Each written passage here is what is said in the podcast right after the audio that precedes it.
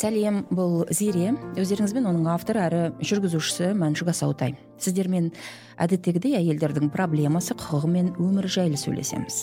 Бүгінгі эпизод 2023 жылдағы соңғы эпизод болайын деп тұр. Сондықтан осы жылды қорытындылап адам құқығы оның ішінде әйелдердің құқығы қаншалықты қорғалды. Әр салада қызмет етіп жүрген құрбыларымыздың жағдайы қалай өзгерді деген мәселені қозғайын деп едім бұл тақырыпты кеңінен тарқатуға маған көмектесетін журналист әрі құқық қорғаушы инга иманбай келді. Қош келдің инга. Рахмет. Инга меніңше осы жыл өзің үшін өте оқиғаға толы жыл болған сияқты. Қымбатты тыңдарман айта кетейін. Инга оппозициялық саясаткер әрі қазақстанның демократиялық партиясы бастамашыл тобының белсендісі жанболат мамайдың жары. Сот биыл көктемде жанболатты қаңтар оқиғасы кезінде ә, жаппай тәртіпсіздікті ұйымдастырды. Билік өкілін қорлады жалған ақпарат таратты деп алты жылға шартты жазаға кескен. Үкімге сай оған осы уақыт аралығында журналистік және қоғамдық саяси жұмыстармен айналысуға тыйым салынған. Ә, жанболат та өзің де бұл айыптармен келіс келіспейтіндеріңді айтқан едіңдер. Ә, одан бөлек сен биыл парламенттік сайлауға қатыстың. Жалпы биылғы жылды өзің үшін қорытындылап берсең қалай өтті несімен есте қалды? Жеке өзім үшін жыл шынымен өте ауыр болды сынаққа толы болды. 15-16 жылдан бері осы журналистика оппозициялық деп айтуға келетін шығар саясатта жүргелі бері. Жалпы оңай жолда жүрмін деп айта алмаймын бірақ соңғы жыл ерекше ауыр жылдардың бірі болды. Жанболаттың сот шешімі шықты. Жанболатты алты жылға барлық саяси азаматтық құқығынан айырды деп айтуға болады. Шындық керек енді жанболат бостандықта оған да құдайға шүкір деп айтамыз. Шектеулі болса да. Десек те жанболат сияқты өте белсенді алғыр саясаткерге бұл сот шешімі өте ауыр тиді шындығы керек. Себебі енді білмеймін қазақстанда ондай сот шешімі болмаған шығар. Жиырма төрт бетке жазылған шектеу ішінде бәрін жазған ең соңында тіпті жанболат халық жиналған жерге баруға болмайды. Енді ойлаңызшы ресми сот шешімі бірақ сол шешімінде жазылған тоймен астан басқа деп. А одан бөлек сот шешіміне қосымша қаулы шығарды. Ол жерде кітап жазуға тыйым салды. Енді бұған дейін тіпті феодалды орта ғасырда жазылған кітаптарға тыйым салу кітапты өртеу деген болды да.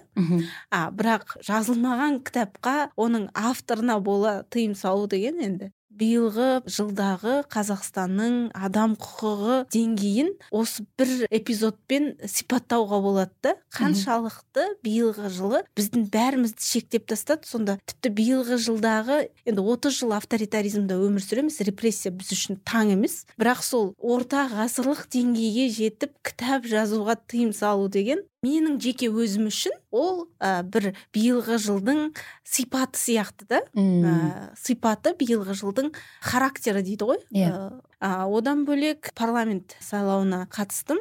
Енді ол парламент сайлауының өзі қаңтар оқиғасынан кейін ақорда берген саяси реформалар туралы уәдесінің іске асуы сияқты жарияланды. Яғни парламентте өз өкілдерің болады отыз пайыз мажоритарлы жүйе бойынша ә, сайлауға мүмкіндік береміз. Партиядан тыс отыз пайыз болса да азаматтар сайлауға түсе алады дегенді ал соңында не болды? Соңында статистикаға қарайтын болсақ сол отыз пайыз жиырма тоғыз адамның жиырма төрті аманат партиясынан болып шықты. Ал бірен саран партияда емес азаматтар алдын ала билікпен келіскен қол алысқан сондай азаматтар болып шықты. Енді сайлауға қатысар кезде мен оны білмедім деп айта алмаймын. Ә, мен оны білдім. Сайлауға қатысудағы мақсат басқаша болды. Біріншіден мен жұбайымның бүкіл шектеулері сот шешімі оның үй қамағы түрмеге қамағы барлығы да ол қылмыскер болған үшін емес саяси бәсекелестіктен ығынғаннан кейін иә. оны сөйтіп шектей береді. Сондықтан біз үшін жанболатты шектесе де саяси алаңда біз бармыз деген үн қосу өте маңызды болды. Және қалай айтқанмен де біздің даусымызды жеңісімізді ұрлағанмен мен сол сайлау кезеңін бір позитивті эпизод ретінде өзімнің жадымда қалдырдым. Себебі олар тіпті мен түскен сайлау округіне оппоненттің өзін таңдады. Бэкграундқа басқасына сай қылып. Енді мен қатысқан жерден бір аманаттық жеңіп тұрса оған халық сенбейтіні түсінікті ғой. Сондықтан мен 15 жыл журналистикада жүрсем 25 жыл жүрген саяси оппозициялық бэкграунд бар ермұрат бәпиді қарсы қойды. Мүмкін ә, мен ол кісіге адами сыйластықпен қарсы шықпайды деген үміт болды. Бірақ бұл саяси дода ғой. Ол жақта қарсы шықпасаң бәсекелестікке оппонент кім болса да дайын болмасаң онда саясатқа араласудың қажеті жоқ. Сондықтан ең алғаш мен тіркелген округке үш күннен кейін барып ермұрат бәпи тіркелген кезде біз оның саяси сырын түсіндік. Сен сайлауға түсемін деген ниетіңді айтқан кезде жанболат түсе алмағаннан кейін амалсыз түсіп жатыр ма екен? деген ой пайда болды. Жоқ амалсыз деген бұл жерге онша келмейді. Ә, себебі иә мен өзімді ешқашан саясаткер ретінде позиционировать еткен жоқпын. Ә, себебі шын мәнінде маған журналистика ұнайды маған журналистік зерттеумен айналысқан ұнайды маған құқық қорғау саласы ұнайды маған әр саяси тұтқынға қатысты кейс қымбат себебі бір кездері біздің трибуна газетін жауып жанболатты қамап енді ол алғашқы емес біздің көрген құқайымыз дегенмен ұзақ мерзімді сегіз ай жанболат түрмеде болған кезде мен өз өзіме шешім қабылдағанмын. Бірінші кезекте мен адам құқығымен айналысамын. Себебі бәрі де адам құқығынан басталады. Бізде жаңаөзен болсын қаңтар болсын тіпті миттл компаниясындағы адамдардың өлімі болсын ең басты құндылық адам өмірі сақталмайды бізде иә? Содан басталады да. Енді адамның бірінші құқығы өмір құқығы сақталмағаннан кейін әрине сөз бостандығы ә, саяси ерік басқа басқа құқықтың барлығы түптеп келген кезде тіпті дұрыс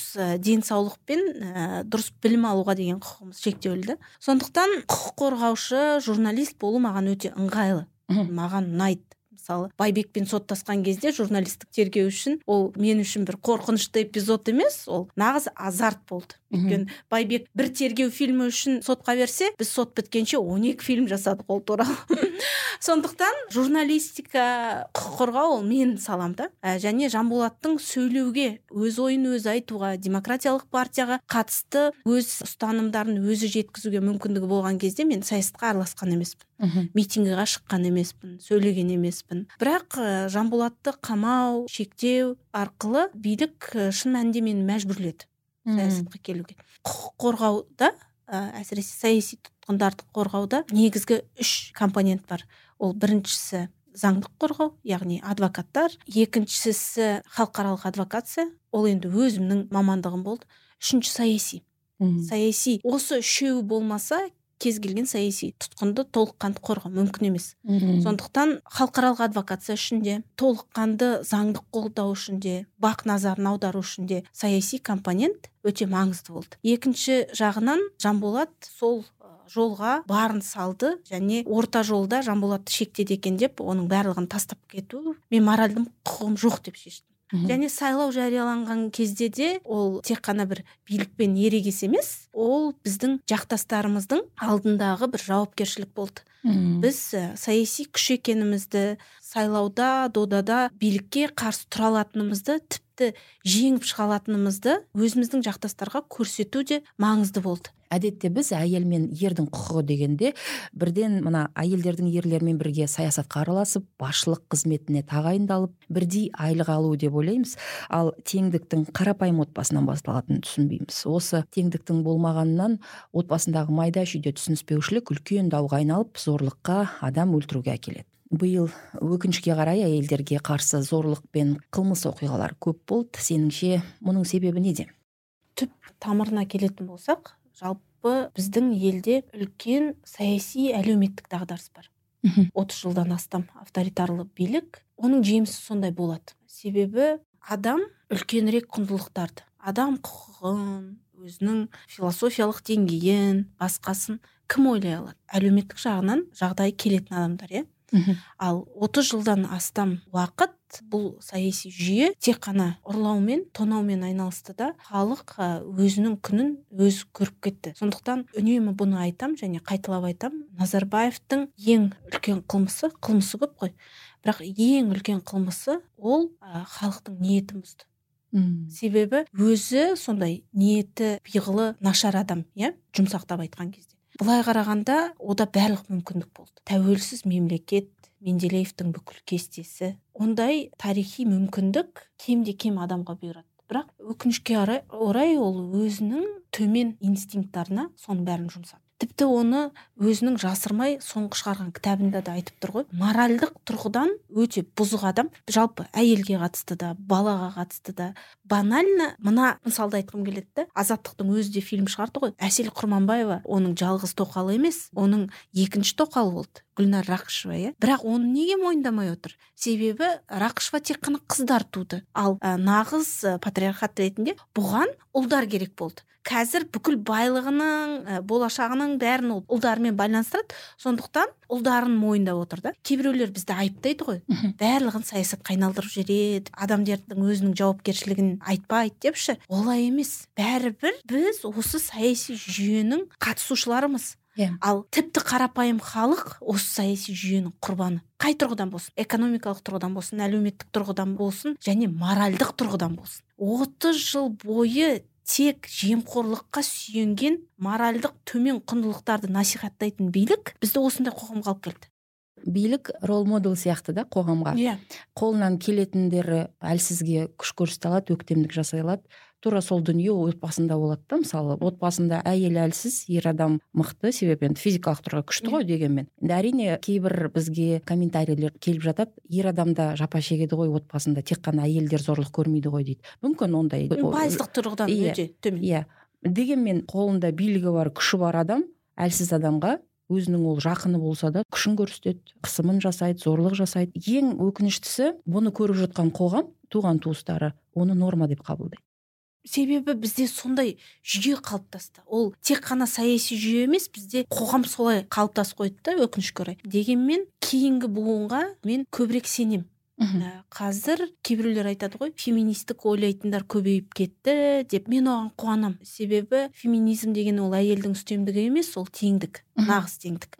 А, сол ә, тұрғыдан жас ер балалардың өзі қазір оқыған тоқыған адамдар сол құндылықтармен ә, өсіп келе жатыр. Сондықтан оптимистік тұрғыда біздің әлі мүмкіндігіміз көп әлі де болады депші. Отбасында қыз бала туылған кезде бізде көп жыл мынандай стереотип қалыптасты да бәрі жұмсағы жылысы ұлға бәрі ұлға қыз бала көну керек үйрену керек. Иә. Сол нәрсеге ол қыз ретінде көнеді бірінші отбасында. Одан кейін күйеуге шыққаннан кейін ол ойлайды норма ары қарай көне беру барлығына мхм, қызға бере алатының мейірім мен білім. Мхм. мейіріміңді берсең ол өзіне сондай қарым қатынасты кейін де талап ететін болады. Яғни күйеуінен таяқ жеп жүрмейді ол. Өйткені ол мейірімде өскен бала иә. Екіншіден білім беруің керек ол біреудің қолына қарамайды. Бағана сіз айттыңыз ғой бізде бір сондай джунгли қалыптасты да мына қоғамда.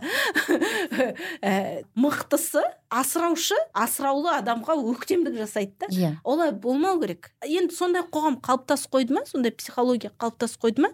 Ә, біз ә, соған ә, қарсы иммунитет ретінде қыз балаларымызды мәпелеуіміз керек қыз балаларымызға білім беруіміз керек. Олар ешкімнің қолына қарамайтындай барлығына бірдей өзіне тиесілі мейірімді талап ететіндей барлығынан бірдей. Кейін күйеуінен де енесінен де басқасынан да иә. Қыз балаға зорлық көрсететін бір ақ адам емес қой олар көп. Иә. А, ал ә, мейірімде өскен қыз бала ол кейін өзін сондай қорша ортамен қоршайды. Әрине. мейірімге иә. Ә, және ә, қыз балаға міндетті түрде білім беру керек. Ол ешкімнің қолына қарамау керек. Ол өз өзіне сенімді болу керек. Бұл- енді біз солай қоғамды өзгертпесек мен басқа жолын көрмеймін.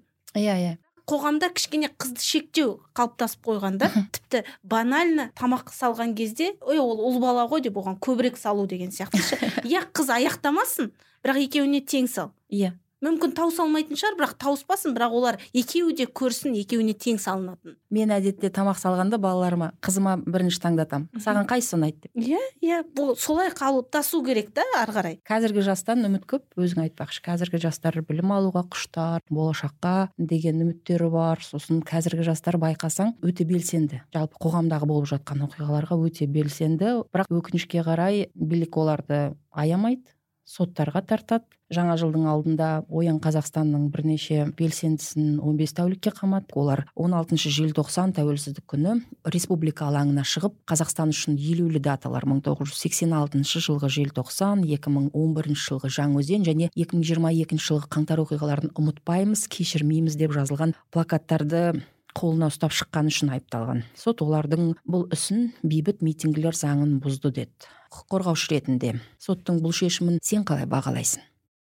Енді әрине бұл адам құқығын шектеу қаңтардан кейін ақорда саяси реформаны жариялағанмен оның бірде біреуі іске асқан жоқ ә, іске аспағаннан бөлек репрессия күшейіп кетті. Мен бұны былай түсіндірер едім да бұрынғы назарбаевтың қандайда бір 30 жыл қалыптасқан өзінің ортасы нық сенімділігі болды. Қаңтардан кейін қолына көбірек билік тиген тоқаевтың дәл ондай өзіне сенімділігі жоқ. Сондықтан мына репрессияның күшеюі ол мықтылықтан емес әлсіздіктің көрсеткіші. Деп мен қабылдайтын едім. Ә, себебі сол төрт жас азамат бұл жүйеге не істеп алар еді? Ал неге оларды соттады? Неге оларды 15 тәулікке қамады? Себебі жанболат марат жыланбаев сияқты саяси лидерларды қамап қоғамға үрей тудыру үшін месседж жібергенімен алаңда плакат ұстап айғайлап шығуға батылы жеткен жастар бар екені билікті үрейлендірді. Сондықтан бұл жастарды қамауы ә, енді мұндайға ешкім батпасын. Тіпті 16 желтоқсан болса да қасиетті дата болса да алаңға плакат ұстаған адамды біз жолатпаймыз жазалаймыз. Ол кәдімгі биліктің қоғамға месседж. Ол жастардың еш кінәсі жоқ. Ол жастар нағыз өзінің жүрегімен отаным деп жүрген азаматтар иә. Олар шықты. А және осындай репрессия күшейіп тұрған шақта рухты өлтіру мүмкін емес екенін дәлелдеді. Сондықтан ол жастардың шыққанының да символикалық қоғамға үлкен месседжі бар. Олар азамат олар ол месседжді бере алды. Бірақ енді авторитарлы қылмысқа батқан жүйеде басқа амал жоқ. Бірақ қоғамда түсіну керек. Сол плакат ұстап тұрған төрт жас азаматтың біздің тарихи болашағымыз үшін не істеп тұрғанын қоғам түсіну керек. Мхм. Сол месседждің өзі біздің қоғамға қазір ауадай қажет дүние. Ә, кішкентай болса да үміт сыйлайды ғой иә? Иә иә иә оның ә, тарихи ә, маңызы болашақ үшін өте зор. Ешкім шықпаған жағдайда олардың шығып сөйтіп үн қатып тұрғаны үлкен месседж. Осы жылдағы менің есімде қалған және маған үміт сыйлаған дүниелердің бірі ол паперлап ұйымының әлеуметтік сауалнамасы болды. Қаңтар оқиғасына қаңтар оқиғасына қатысты иә. Сол әлеуметтік ә, сауалнама нәтижесі бойынша биліктің ресми версиясына қаңтар ол мемлекеттік төңкеріс болды. Түсініксіз бір террористер басқа басқа деген версияға халықтың бір отыз бірдеңе пайызы ғана сенеді деген. Ал халықтың басым бөлігі бұл халықтың шынайы наразылығы дегенге сенеді. Бұл кішкентай ғана серік сияқты азаматтардың жұмысы қоғамға үлкен үміт сыйлайды. Әсіресе біз сияқты бар өзіміздің мүмкіндіктерімізбен альтернативті ақпарат таратып жүрген адамдарға үлкен шабыт береді. Үлкен үміт сыйлайды. Ә, себебі билік бүкіл ресурсын бүкіл қаржысын бүкіл ақпараттық мүмкіндіктерін бір версияға жұмсап жекелеген репрессияның астында жүрген азаматтар және бақ оның ішінде азаттық та бар басқа халықтық төңкеріс халық наразылығы деген версияны айтты ғой. Біздің сөзіміз өтімдірек болып тұр. Иә біздің полициямыз жоқ омонымыз жоқ мемлекеттік тапсырысты таратып қойған мыңдаған бақ жоқ бізде. Бізде тек қана америка аман болсын сол сыйлаған билік жаба алмайтын әлеуметтік желілеріміз бар. Сол арқылы ғана тегін таратқан ақпаратымыз халыққа көбірек өтімді болғаны бұл шын мәнінде үлкен үміт сыйлайды. А бұл тек қана маған үміт сыйлайтын емес біздің болашаққа деген оптимистік көзқарасқа негіз болатын дүние. Сол зерттеуде шатаспасам сұралған азаматтардың жетпіс үш пайызы билік биліктің ә, оқ атуға деген ескертусіз оқ атуды айыптайды. Иә айыптаған ә, көрсетілген иә, сол иә. және жеті пайызы ғой деймін шатаспасам қолдапты. Иә сонда бұл биліктің шынайы қолдауы сондай деңгейде деген сөз ғой. Ал жетпіс пайыздан астамы биліктің оқ қолданғанын айыптайтын болса яғни ол қалай да потенциалды осы билікке наразы азаматтар? Қаңтар демекші жалпы 2023 жыл мынау қаңтар істеріне толы жыл болды. Көбі аяқталып сот үкімдері заңды күшіне еніп те қойды. Мыңнан аса адам сотталды. Дегенмен қаңтардың басты сұрақтарына жауап берілді ме? Сен үшін қандай сұрақтар еді ол? Енді ең әуелі мен қаңтар оқиғасының ішінде болған қаңтар күндері назарбаев кетті деп алаңға шыққан абай көшесінің бойында жүрген азамат ретінде айтатыным. Қаңтар ол шын мәнінде халықтың наразылығы халықтың өз пікірін білдіруі болды. Және ең алғаш төрті күні бейбіт сипатта болды. Сол бейбіт шерумен алаңға жеткен азаматтарды биліктің қарсы алуы өте неадекватты болды. Сол кезде ақ биліктің алғашқы үрейі бірден көрінді. Себебі әй шәй демей бір сөзге келмей азаматтарға резина оқ ата бастады газбен улай бастады былай қарағанда үн қатқан адамдарға әу не керек? деп бір сұрау керек қой. Бірақ бұлардың ең үлкен сорақылығы бұлар өздерін біледі ғой. Қылмысын біледі кім екендерін біледі. Сондықтан билікті жоғалту үрейі бұлардың басым болды да. Ары қарайғы тонау ұрлау әкімшілік ғимараттарды өртеу тап таза биліктің провокациясы болды. Бейбіт наразылыққа шыққан азаматтарға күш қолдану оқ атуды ақтау үшін провокация жасаған билік. Мен бұны жүз пайыз сеніммен айта аламын. Себебі сол бейбіт азаматтардың арасында мен болдым. Ешқайсының да тонау ұрлау ондай ой болған жоқ. Ә, алматыға ешқандай жиырма мың террорист келген жоқ. Алматыда жиырма мың наразы тек қана төртінен бесіне қараған түні болды оның арасында. Біз болдық. Террорист дегеннің арасында біз де кеттік қой. Сол жиырма мың адам ең болмағанда екі үш күн алматыда алаңда тұрса онда оған бүкіл қазақстан қосылар еді. Мәселе тек астанада емес алматы ол бәрібір шешуші фактор. Егер ең болмаса сол мыңдаған адам алматыда екі үш күн алаңда тұратын болса бұл билік құлар еді бұл жүйе құлар еді. Және ол назарбаевқа қатысты емес. Тоқаевқа да қатысты. Жалпы жүйе болмас еді. Халық соған дайын болды. Халық соған пісіп жетілді сол күндері.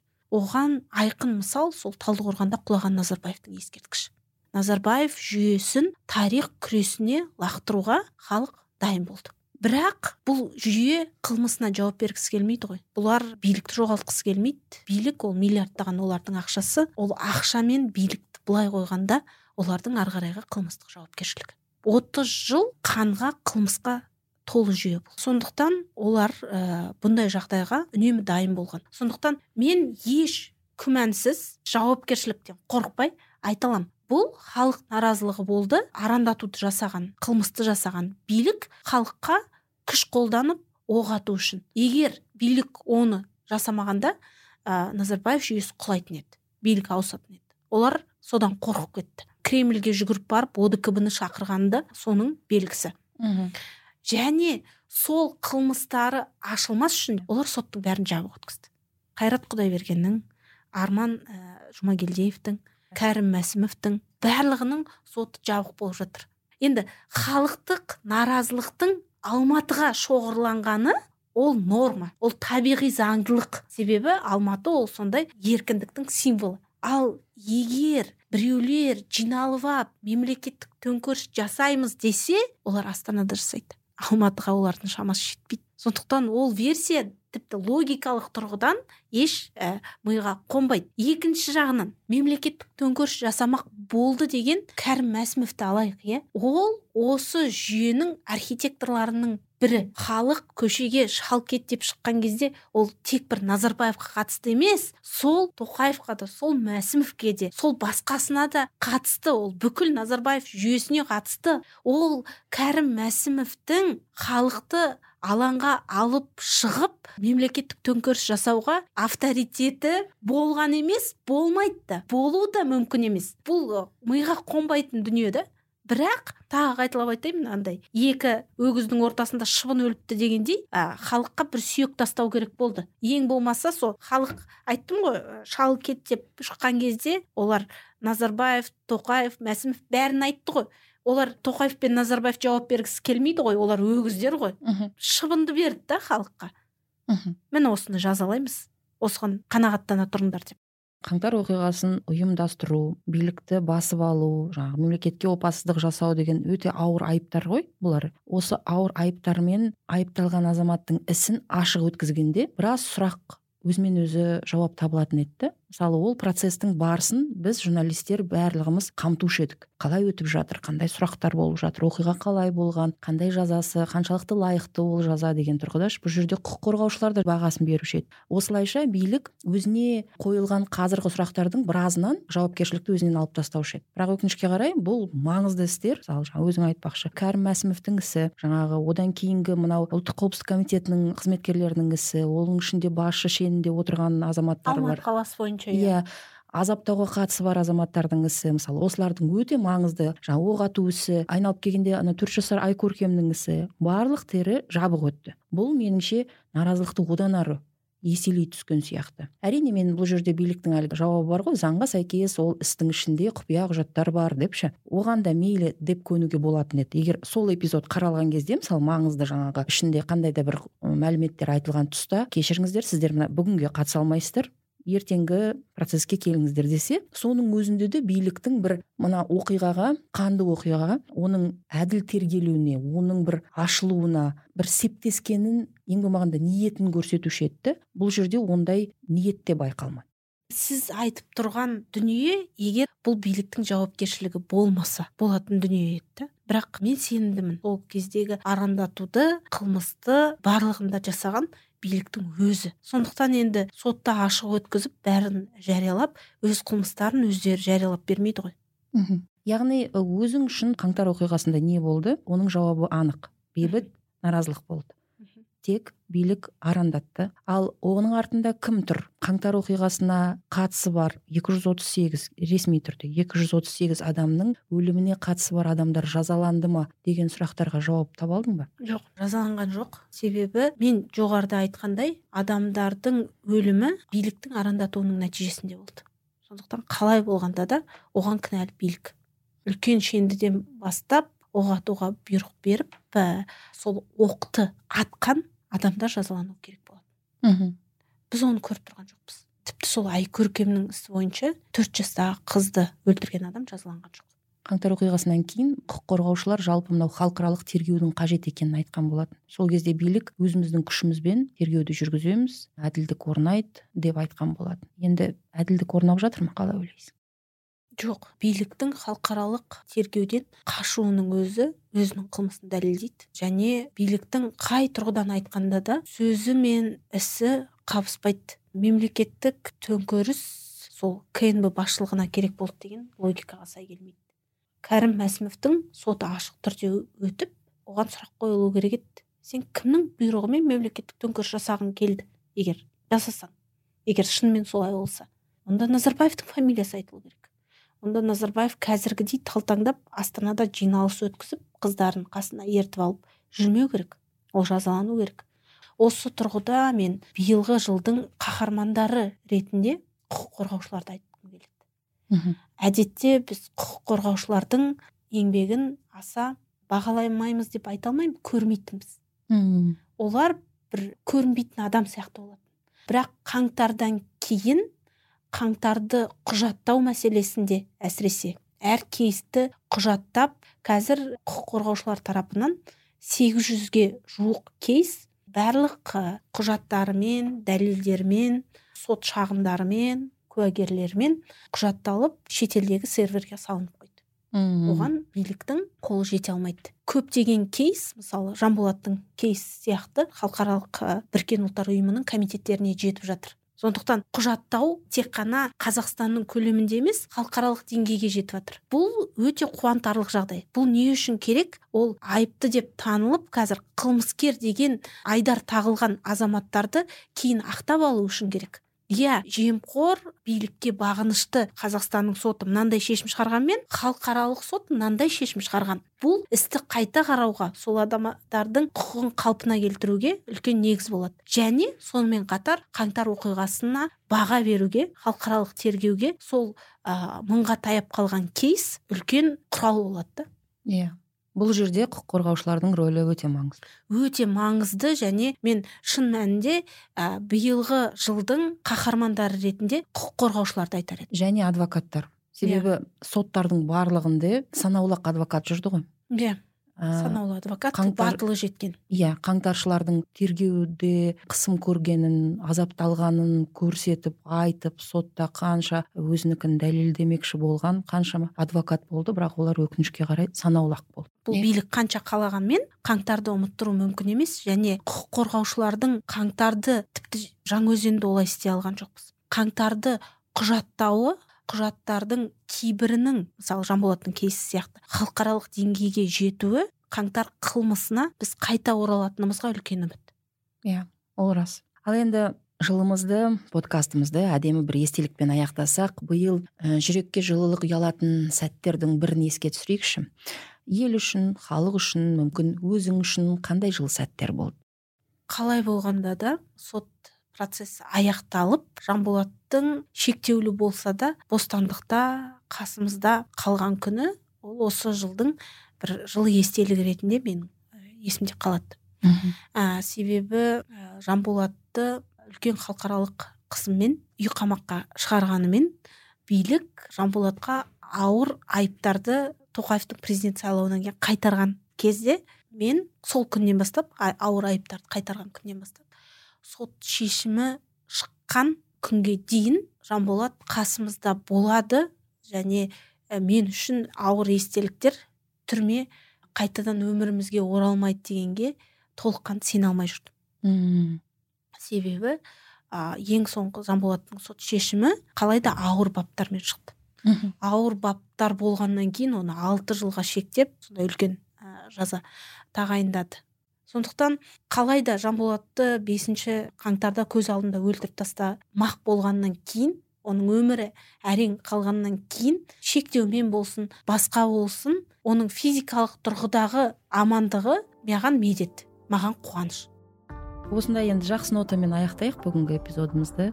Жақындарымыз жанымызда болсын аман болсын әрине оқ атылмасын. Рахмет. Инга өзіңе көп рахмет. Уақытыңды бөліп келіп ойыңмен бөліскенің үшін және осы жылды 2023 жылды қорытындылауға маған көмектескенің үшін рахмет. Рахмет.